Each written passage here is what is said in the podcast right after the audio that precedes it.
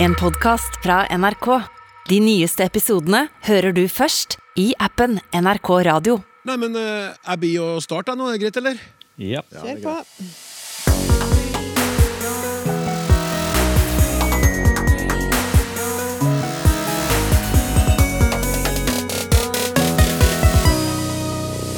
Hvor kommer uttrykket eplekjekk fra? Hva menes med å holde seg på ballen? Hvordan blir eske til ørse til ask? Og kan man egentlig servere kjøttdeig av fisk? Det er klart for Lytterspørsmål spesial!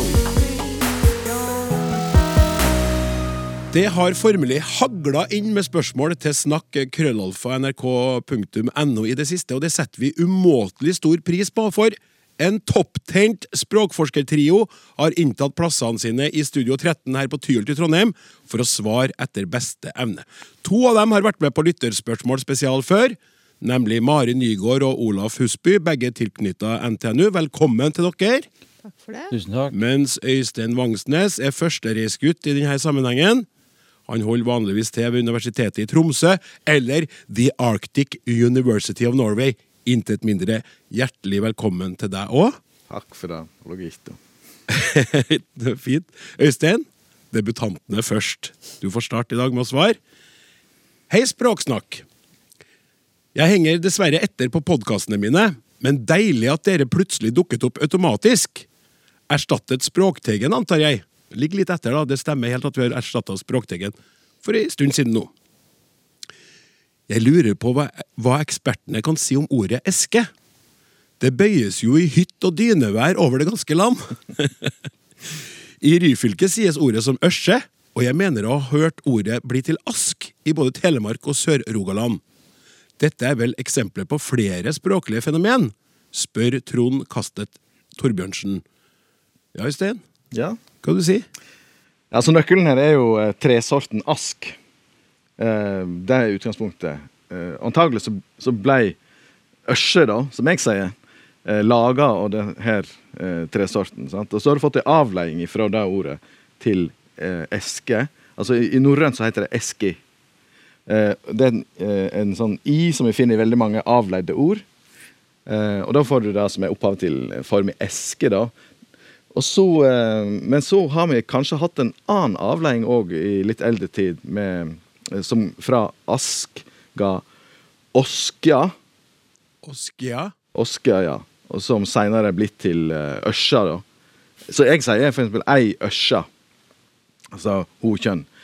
Så eh, Og grammatisk kjønn er litt interessant, oppi dette her, fordi eh, tresorten ask, og òg det ordet en ask eh, om ei ørste, da, er jo hankjønn. Og så eh, har du i norrønt her eski, det er faktisk et uh, nøytrumsord. Så det skulle egentlig hett ett eske, da.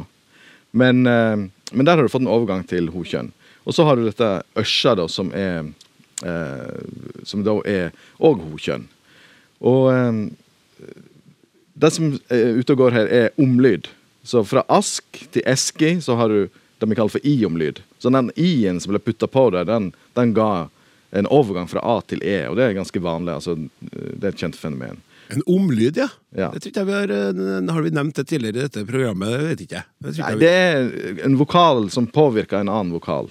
Så en, eh, i dette tilfellet, eller omlyd, da, er at en eh, vokal i en trykklettstilling eh, påvirker en, en vokal i en trykksterk stilling. Eh, og ja, så, og den eh, oskja som ble til ørsa etter hvert, det er sannsynligvis en u-omlyd. Eh, og det er litt komplisert, for det går på eh, Du finner en U i bøyingsmønsteret for oss, askja, da, som, eh, som, som gir den derre O med kvist opphavlig, antagelig. da. Og så har du fått en overgang til, til Ø i moderne norsk, da. Ja. Olaf? Han, han Trond, han, han Vi har jo hatt ordene nå ørse, eske Jeg sier jo eske, da. Men så spør han Trond eller Han sier at ordene bøyes i hytt og vær. Har du noen kommentar til bruken hans av ordet bøyes? Ja, altså Det er vel kanskje ikke bøying han eh, re- eh, sikter til, men mer avleiing. da. Så du får andre vokaler i, i de her ulike avleide formene. Men eh, det er jo interessant. altså Antagelig så er det noe med materialet i den tresorten som gjorde det egnet til å, til å lage ørse. da. Ja. Så senere så Nå er jo alt mulig. Kan det være alt mulig? Det kan være jern og, og plast og jeg veit ikke hva. Ja. Sant? Så eh, mm. Tusen takk skal du ha, Øystein. Da er vi i gang, og det er du òg. Vi fortsetter med et eh, spørsmål eh, fra Eller egentlig et, et, en mening, en ytring, fra Finn Otto Arenberg. Eh, Mari, det her kan du få kommentere. I hvert fall begynne med. Det handler om de, dem, da. Når programlederen i Stjernekamp annonserer deltakerne i eksaltert stil ved å åpne introduksjonen med Og én av de er Da har han definert uttrykket å gjøre et dårlig førsteinntrykk på en utmerket måte. Ja, Ja, ja det er altså noe med eh, en av de, da. en av de, ja. Mm. Han, er, han, han Finn Otto er en av dem som mener at en av de her blir feil. Ja, nettopp. For det var, du innleda med å si at det her var et spørsmål, eller en ytring. Kanskje mest en ytring, egentlig, det her, da. Um, jeg, min dialekt jeg skiller ikke på Jeg har jo samme form i begge i det som kalles for subjektsformen og objektsformen. Jeg sier dem uansett. Dem gjør det, og jeg liker dem. Um, og sånn er det jo i mange, mange norske talemål. Eh, vi kan jo si at det handler om, Hvis vi går til skrift, da, så den, har det en grammatisk side her. for Vi skiller i skrift i bokmål mellom, eh, mellom en subjektsform. Vi sier 'de liker epler', f.eks. Mens hvis eh, det samme pronomenet er et objekt, så bruker vi 'dem'. 'Jeg liker dem'. Og vi bruker også den objektsformen når det her pronomenet står etter en preposisjon. Sånn at det, jeg fikk gaver av dem, f.eks. Så der har vi det grammatiske skillet i skrift, da, i hvert fall mellom de to. Og så kan man jo leke seg litt med tanken på om det er når, når, eh, eksempelet er en av de som osv. For en av de er jo da subjekt, men du har likevel den preposisjonen av inni her som gjør at det kanskje blander seg litt om det skal være de eller dem. Kanskje. Og så er det også sånn at det er valgfritt i en del Det er faktisk valgfritt lov eh, i en del eh, tilfeller å, å velge om du bruker de eller dem i skrift. Sånn som eh, du kan si 'det var de', eller du kan si 'det var dem'. Eller du kan si det, 'vi er bedre enn de', eller 'vi er bedre enn dem'. Det er lov, begge deler. Det er lov. Det er lov. Det er lov, ja. Det er så mye som er lov. Det er så mye som er lov. Det er frustrerende på den måten. Eh, men så er det jo hva som er fint eller ikke, og det er vel kanskje det som denne innsenderen er kanskje vel så opptatt av som lov og ikke lov, da. Eh, for nå snakker jeg jo om skrift, og, eh, mens det her var jo snakk om muntlig tale, og der er det jo enda mindre eh, kanskje interessant å snakke om lov og ikke lov. Men eh, det som innsenderen berører her, er jo om det eh, gir et dårlig førsteinntrykk å bruke formen 'de'. Er det en lavere eller dårligere form? Eh, hadde vært bedre eller mer liksom korrekt eller høres bedre ut å bruke formen 'dem'? Jeg må vel avsløre at jeg ikke har den samme eh, holdninga som, som innsender her, men det må jo han stå fritt til å Men, ha, ja, men har ikke vi veldig ofte hatt det sånn her i programmet at vi har, altså, det går mye på det Jeg skal ikke snakke for Finn Otto her, men sånn generelt så har jeg et inntrykk av at folk kommenterer ting som handler om det skriftlige, også når de hører folk si. Nettopp. Si, si noe. Derfor vi reagerer. For det er Ja. sånn, det, sånn skal det jo ikke sies, sier vi, men tenkes skrives, på et vis. da. Det er nok riktig, ja. Ja, Det ofte Blande det sammen- Mm. Fordi at etter at jeg begynte å jobbe med språksnakk, eh, så har jeg jo forstått det sånn at det meste er jo lov. I norsk språk. Ikke sant? Ikke minst Jo, men det er veldig For dere er jo veldig sånn at dere syns det er mye, altså, Og det, når, det, når det snakkes, Mm. så er det lite som man kan si er feil. Og dere syns ofte det er spennende. Ikke sant? Med sånn Spennende, og det er nye betydningsnyanser i det, og det Ja. er ene med det andre. Ja. Ja. Ja, men det er jo kanskje et aspekt her med at eh, i østnorske dialekter, da, uh, særlig, så, så uh, er altså denne formen 'dem' eh, litt eh, stigmatisert. eh, I den forstand at Sett ned på det, og bruker den f.eks. i subjektsform. Form, og sier 'domme, domme, dom'. De som sier 'dom, dommer, Ja. dommer, dom'. Ja. Og eh, derfor får en en motreaksjon på det, og ofte bruker eh, de der en skulle ha brukt dem. Ut ifra den eh, eh, forestillingen om at et systemet er de i eh, subjekt og dem i, i eh, objektsform. Ja. Og det er kanskje noe sånt som er ute og går her, at uh, programlederne de gjorde det vi kaller for hyperkorrigerte. Akkurat. Jeg, slår meg kjempe på en Karpe-sang jeg tror de, het- når de heter karpe-diem. Så bruker de dem sånn bevisst feil for å få den her fordummende effekten, eller sånn Spille på det, da. Tror jeg nå, hvis jeg husker riktig. Eh, Jeg har ikke tid til å google det, vi må videre. Men eh, Olaf? Ja, nei, du sa at, at du, eh, vi som sitter her, vi mener at det meste er lov. Altså, jeg er jo ikke enig i det. Det som, det som skjer, er vel at de ulike dialektene har sine grammatikker, sitt regelsett. Ikke sant? Og i forhold til det regelsettet Jeg kan selvfølgelig gjøre feil på min dialekt, og du gjør feil på din dialekt. og det er vel det vil andre kunne påpeke. Problemet blir når vi flytter det regelsettet inn i bokmålet, som har et annet regelsett. Ja. Da kan vi begynne å bruke feil. Okay. Men altså, vi, klart, vi, vi følger de grammatikkene som vi på en måte har innebygd i oss. Ja. Og de er regelfast. Det er et godt poeng. Jeg, jeg vil korrigere meg sjøl. Jeg vil si at dere sier ikke at det meste er lov, men dere, dere sier veldig sjelden at noe er helt feil. Men altså, det er de færreste norske dialekter som har et skille mellom subjekt og objektsform i tredjeperson flertall. Altså, det er deg, deg i nynorsk og veldig mange dialekter. og så er det, den, men det er noen plasser de sier de og dem, da. Ja.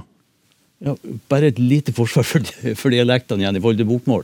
I bokmål, hvis du sier eh, Hvis jeg, eh, finner noe på gata, så springer jeg opp til noen folk og så spør jeg Er denne penna deres?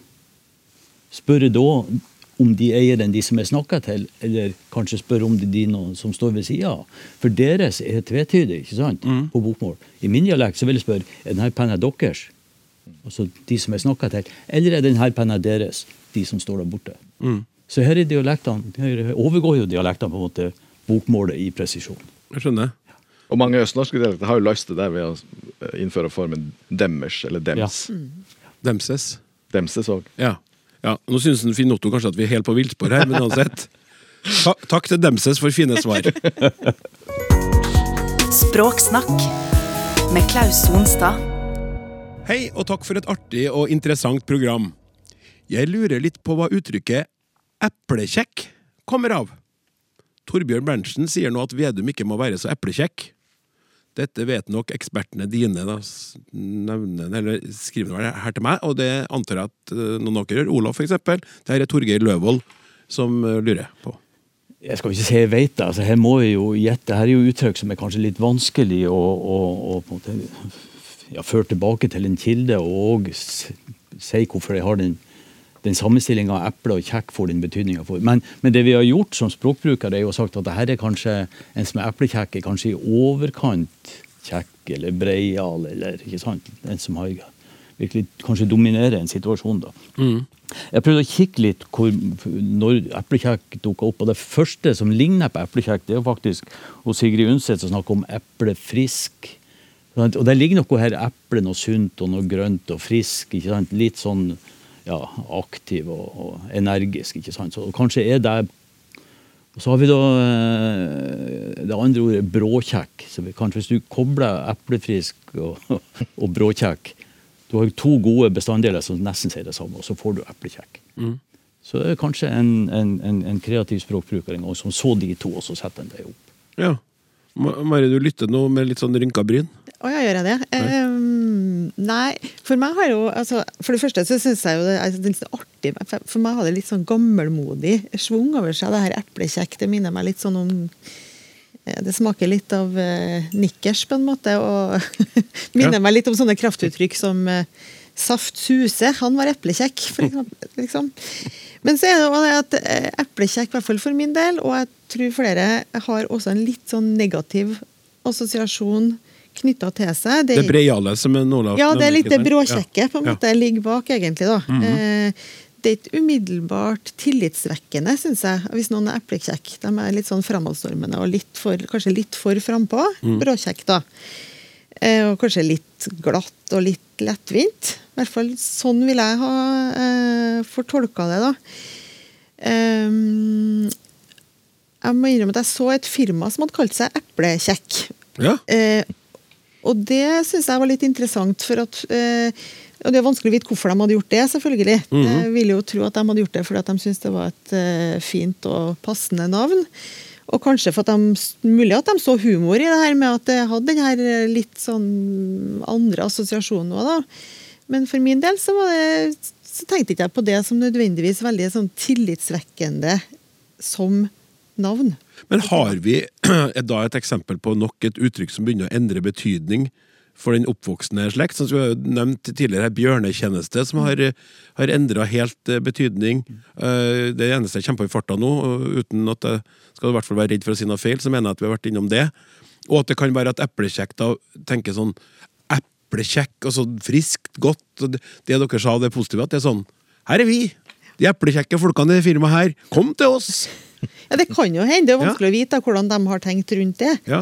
Eh, men at de har lagt seg mer på den her eplefriske eh, fortolkninga enn den bråkjekke Ja. delen av ordet. da. Ja.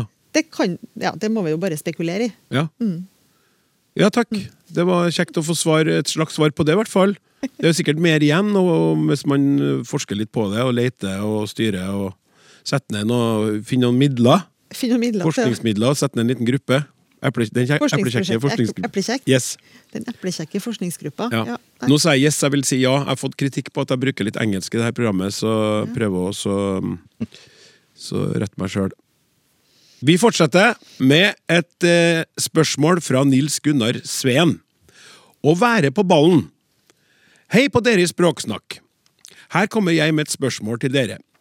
Jeg er blant annet interessert i idrett, og jeg driver et skoleprosjekt innen tilrettelagt idrett. I ballspill hører vi at en skal holde seg på banen, og det er veldig greit. Så hører vi mange ganger at de skal være på ballen. Og da lurer jeg på følgende, hva blir det rette uttrykket? Står du på en bane, da er du på banen, men hva betyr å være på ballen? Betyr det at en skal tråkke på en ball med foten? Mhm. Ja.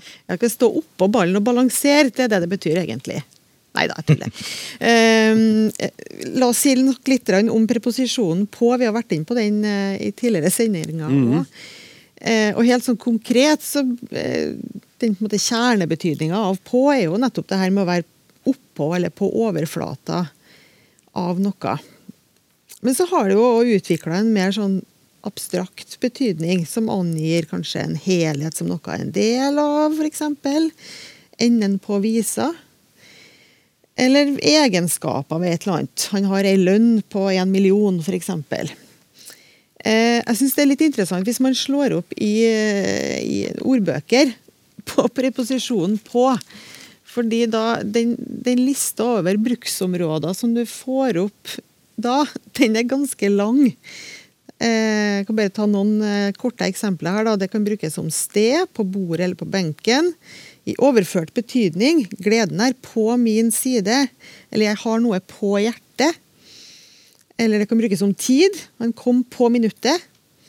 Eller på sine eldre dager. Eller det kan brukes som en årsak, eller en, et middel, eller en måte. Eh, når døra står på gløtt, og man tar fisk på garn. Eller man kjører på høygir.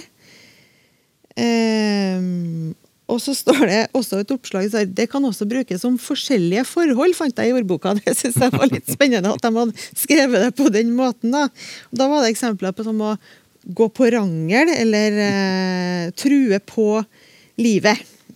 Å komme på et eksempel. Å komme på et eksempel, eller bare bruke det i seg sjøl. Han er veldig på. Ja. Det er jo blitt et, blitt et uttrykk. Eh, men alle de her bet ulike betydningene eh, av på, eh, at det har bredt om seg på en sånn måte, er jo knytta til at det kanskje nettopp har blitt en sånn type motepreposisjon. I hvert fall er det en del som har snakka om det på den måten. Og noen knytter det til bruken av engelsk, altså påvirkning fra engelsk ånd, som har en litt større bruksområde enn det norske på.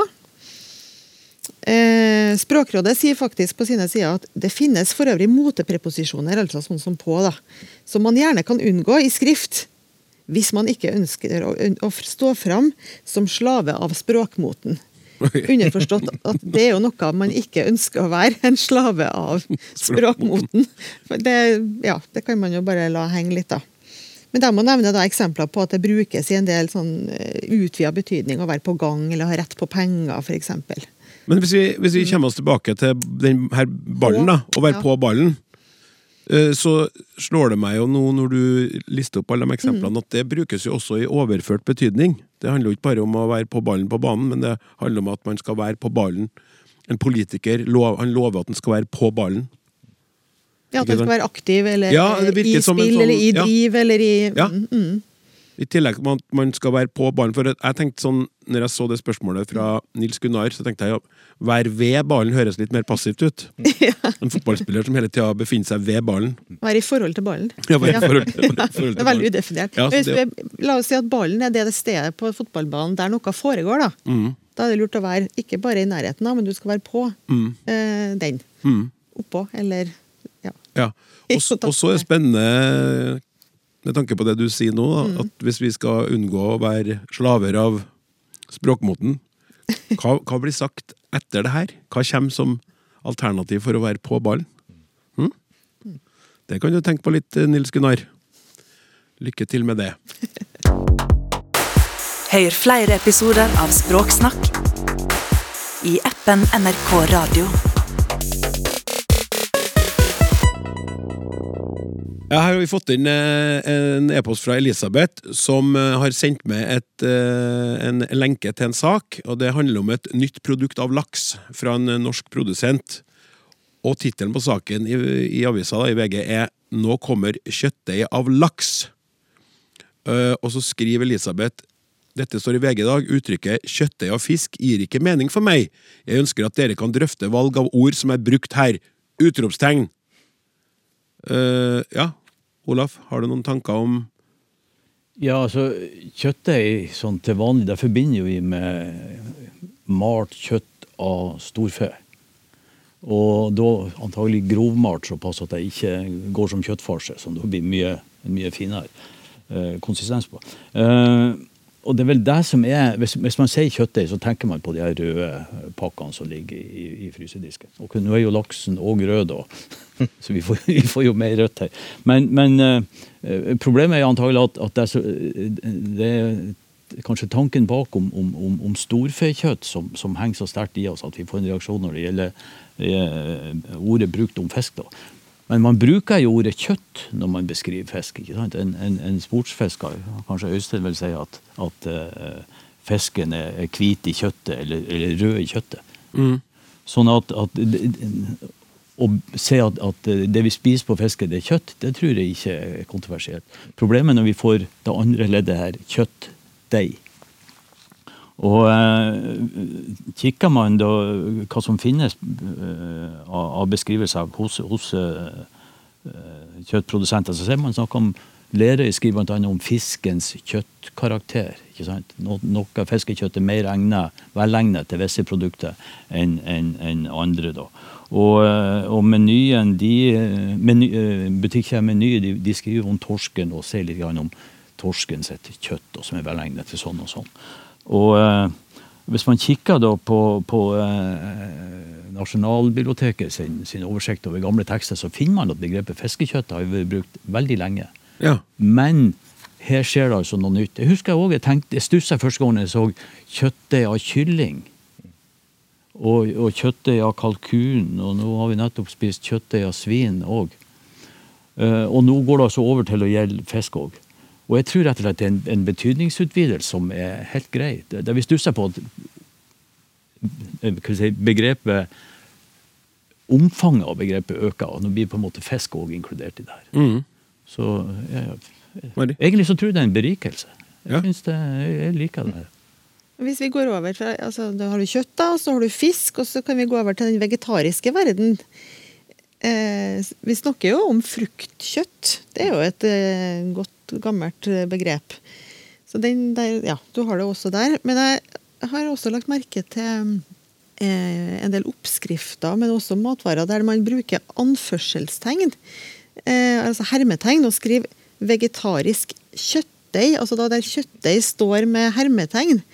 Eh, og det syns jeg er litt, eh, litt interessant. Da. Hvorfor er det viktig på en måte å ha Det er viktig å bruke ordet kjøttdeig, for det er noe kjent, sikkert, og der vet, da vet på en måte folk hvilken type mat de kan lage med denne, eh, denne matvaren. Men så er det jo ikke kjøttdeig, så vi må jo ha det i anførselstegn, for det er jo vegetarisk. Og hvorfor det er så viktig å få sagt noe om kjøtt når man også vil være Jeg tror det sånn egentlig vegetar. Det er, er litt sånn, litt sånn rekrutteringsøyemed, da. At Ja. du skal få over nye til Ja, spise kanskje. mer vegetarisk, så, så lokker du med at det er kjøttdeig i Du kan til og med spise kjøtt hvis, deig hvis du er vegetarianer. Ja, mm, bare at det er ikke kjøttdeig, det er kjøttdeig i, i hermetegn. Nettopp. Ja. Mm. Men for meg så biter det seg sjøl litt i halen. Ja. Ja. Jeg hadde tenkt å si at eh, kjøtt er jo, da kan vi definere som eh, muskelfiber. Det er jo der det er både på fisk og på dyr. Men, og da kunne jeg snakke om kverna muskelfiber. Jeg begynte å selge det, prøv å se på det. Men, men uansett så feller det jo litt i fisk. Når vi begynner å snakke om uh, grønnsaker og frukt som òg har kjøtt. ja, veldig bra. Den var fin.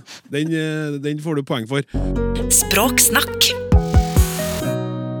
Ja, Vi må bare ta et lite avbrudd i dagens lytterspørsmål spesial, fordi vi blir jo ikke helt ferdig det med det her utørst, forsynt, eh, lesket som Aksel på 10 og Eivind på 51 eh, satte i gang for litt siden. Lytterne hører jo på programmet her på forskjellige tidspunkt. Mange hører jo på det når det går på radio, eh, og så er det jo også som podkast. Og da kan man plutselig oppleve at etter at man tenker seg ferdig med eh, en sak, så dukker det opp eh, e-poster i ettertid med fine innspill til samme tema som du har gjort nå. da. Og Derfor så tenkte jeg at vi må få lov til å lese opp det til dere. Hei! Hørte i dagens språksnakk at dere etterlyste et ord for det å være utørst.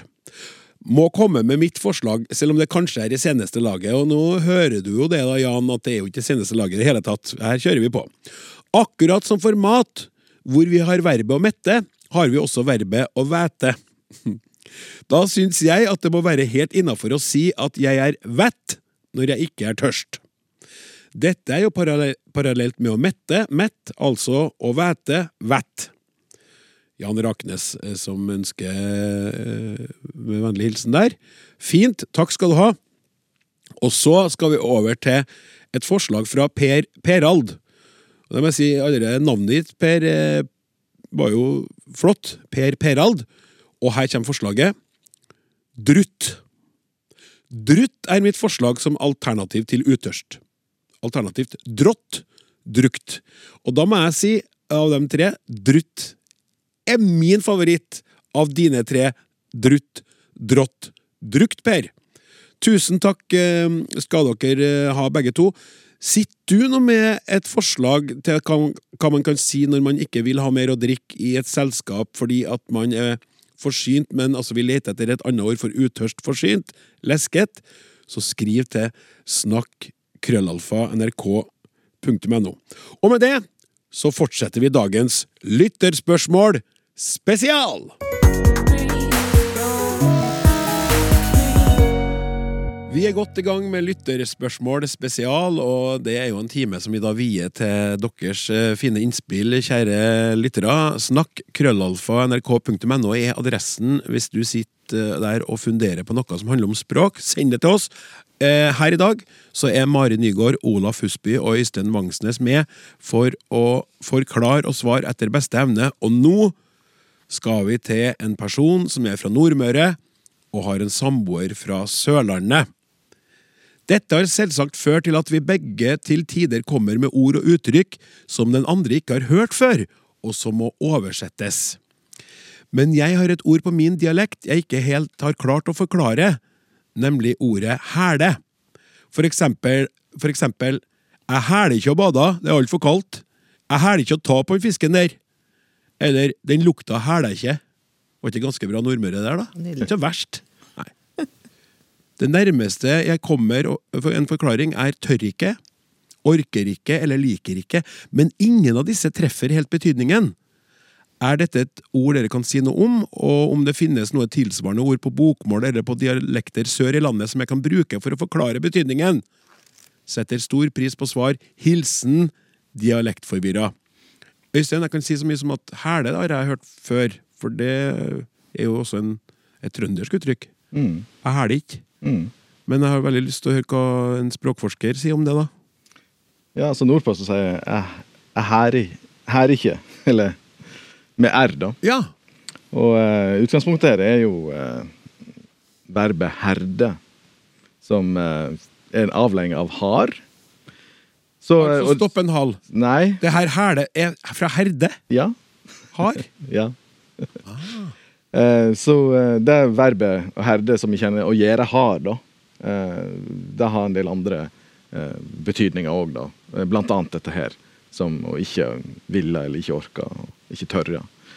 Og eh, forklaringen på at du kan få en L noen plasser, eller en tjukk L, da, egentlig. For du sier jo 'hælikk' med en øl. Hælikk, ja. Ja. Det er ikke en 'hælikk'. Nei, det er det ikke.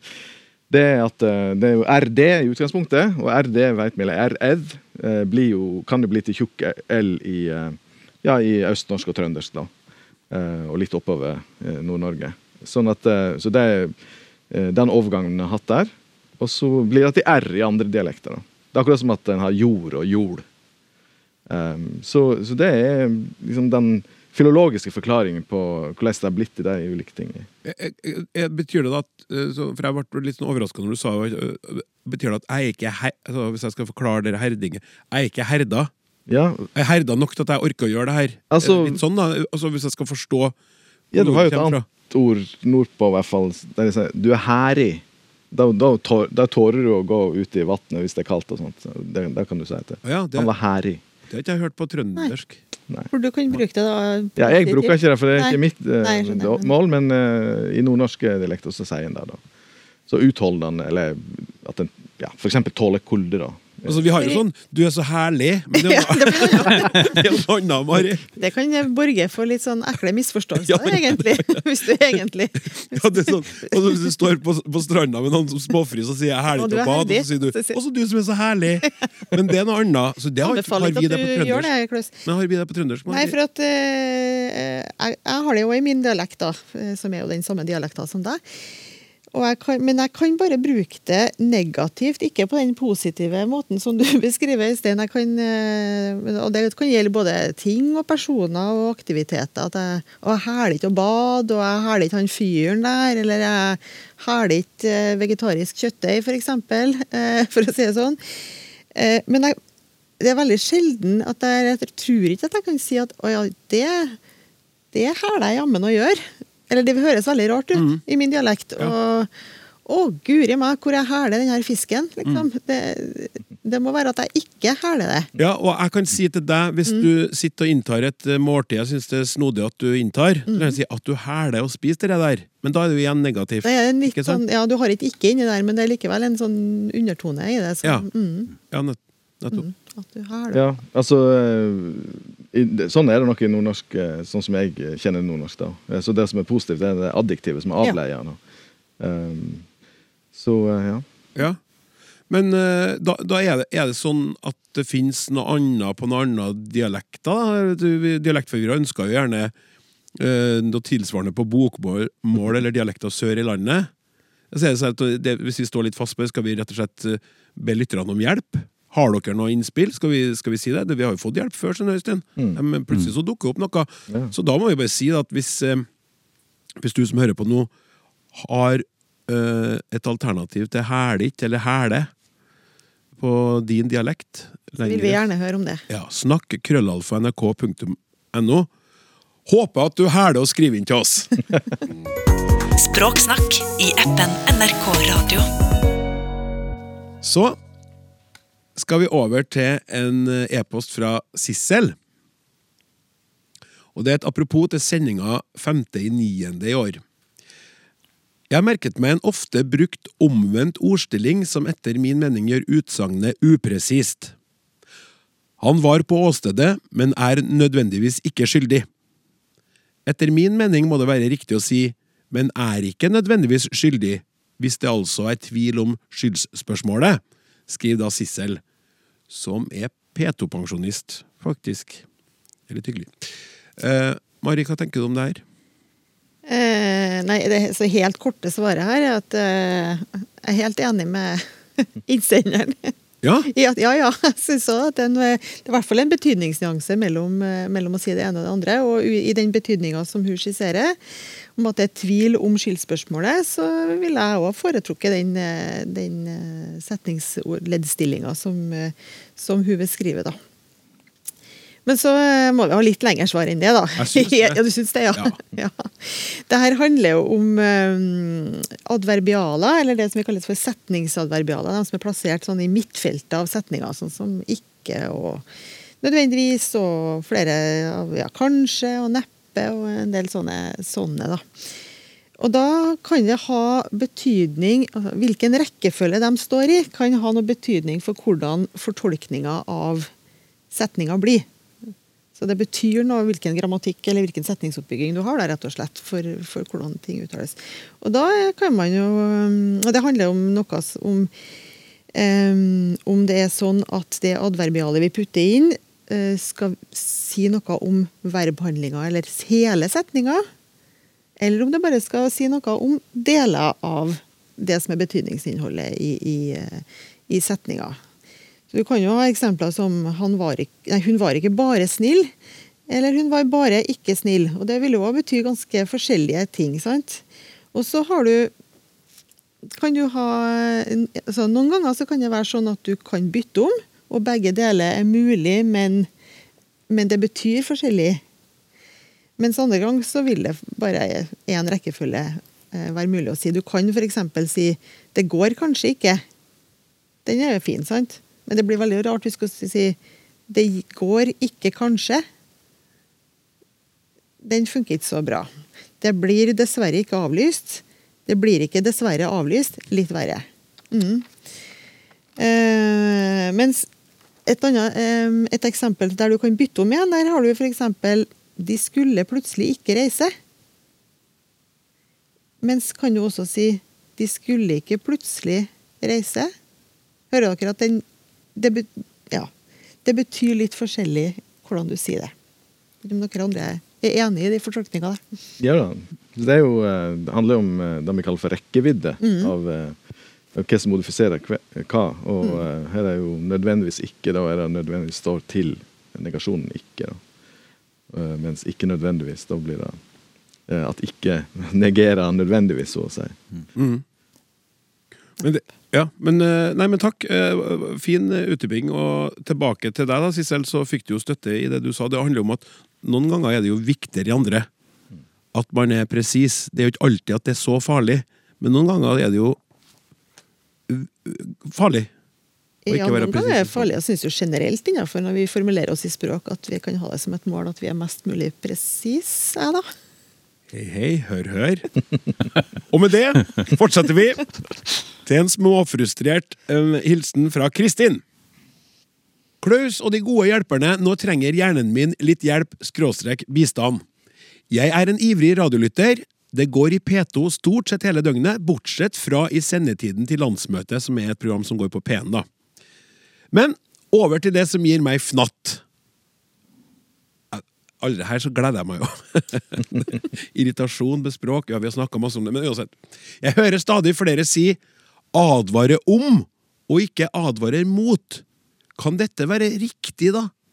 Eller er det bare enda en uheldig språkmessig utvikling?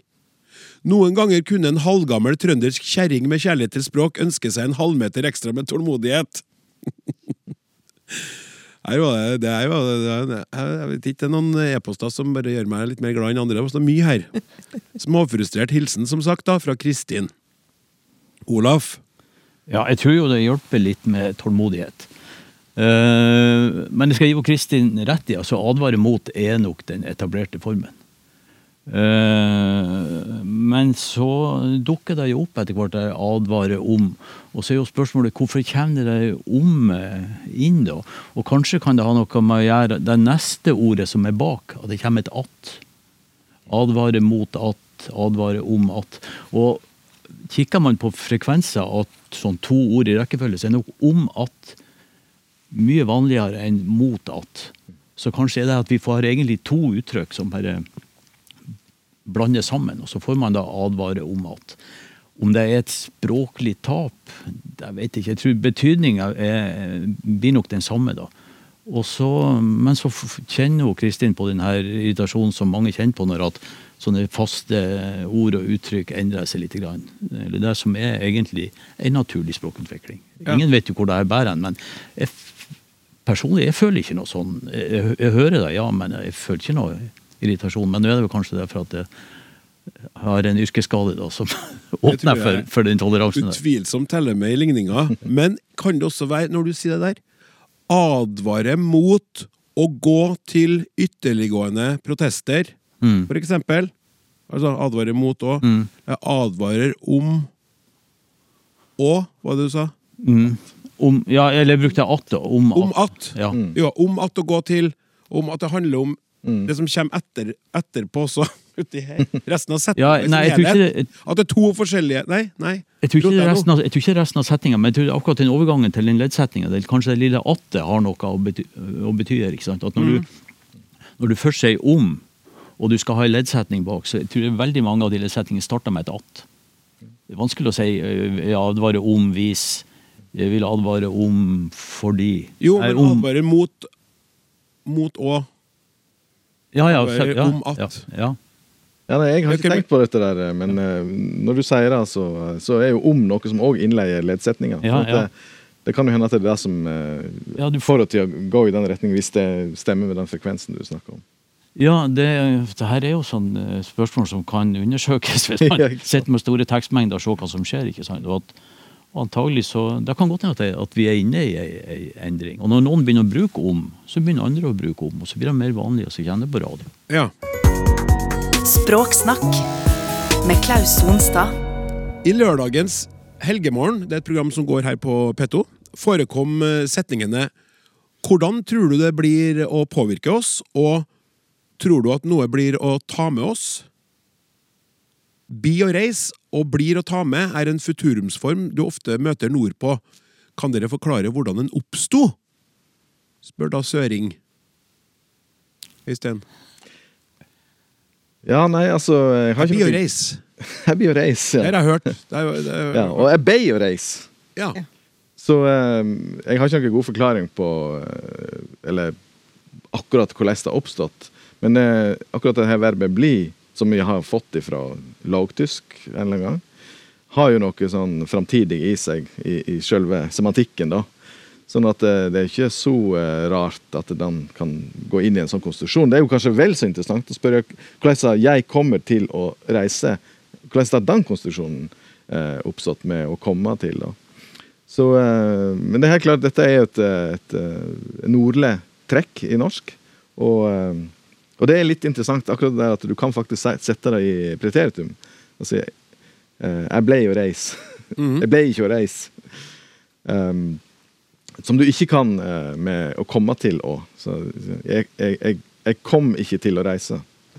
Du kan Nei. ikke forflytte den konstitusjonen i, i, i fortid og så si noe om framtid fra et fortidsperspektiv. Nei, Nettopp.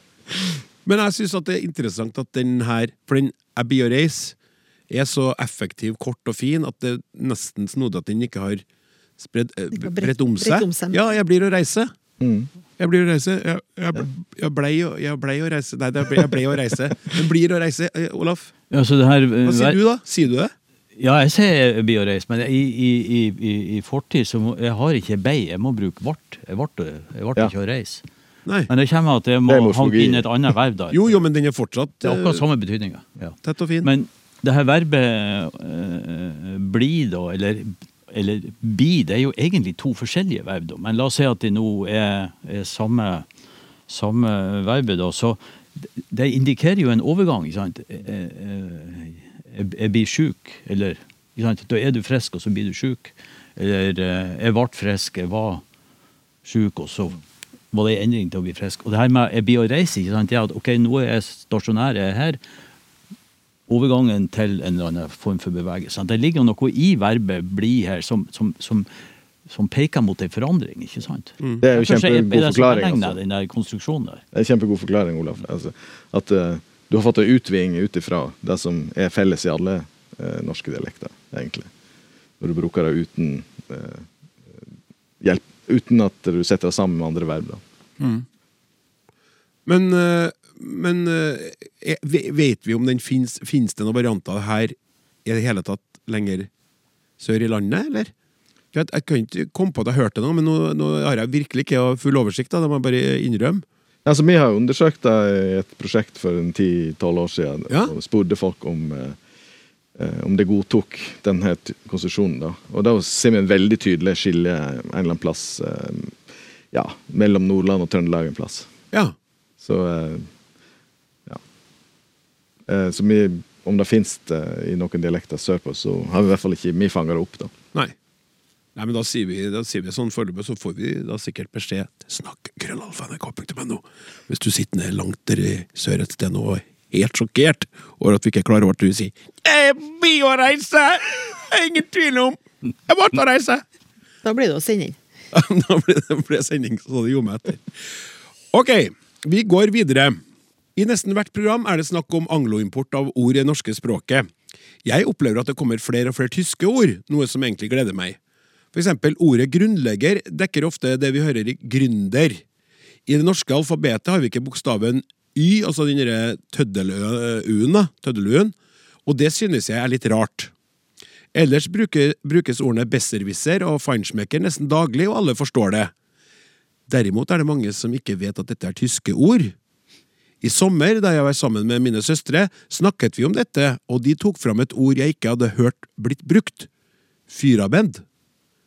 Uttalelsen her, er sveitsertysk, det er ikke uttalelsen min, trodde jeg, men ok.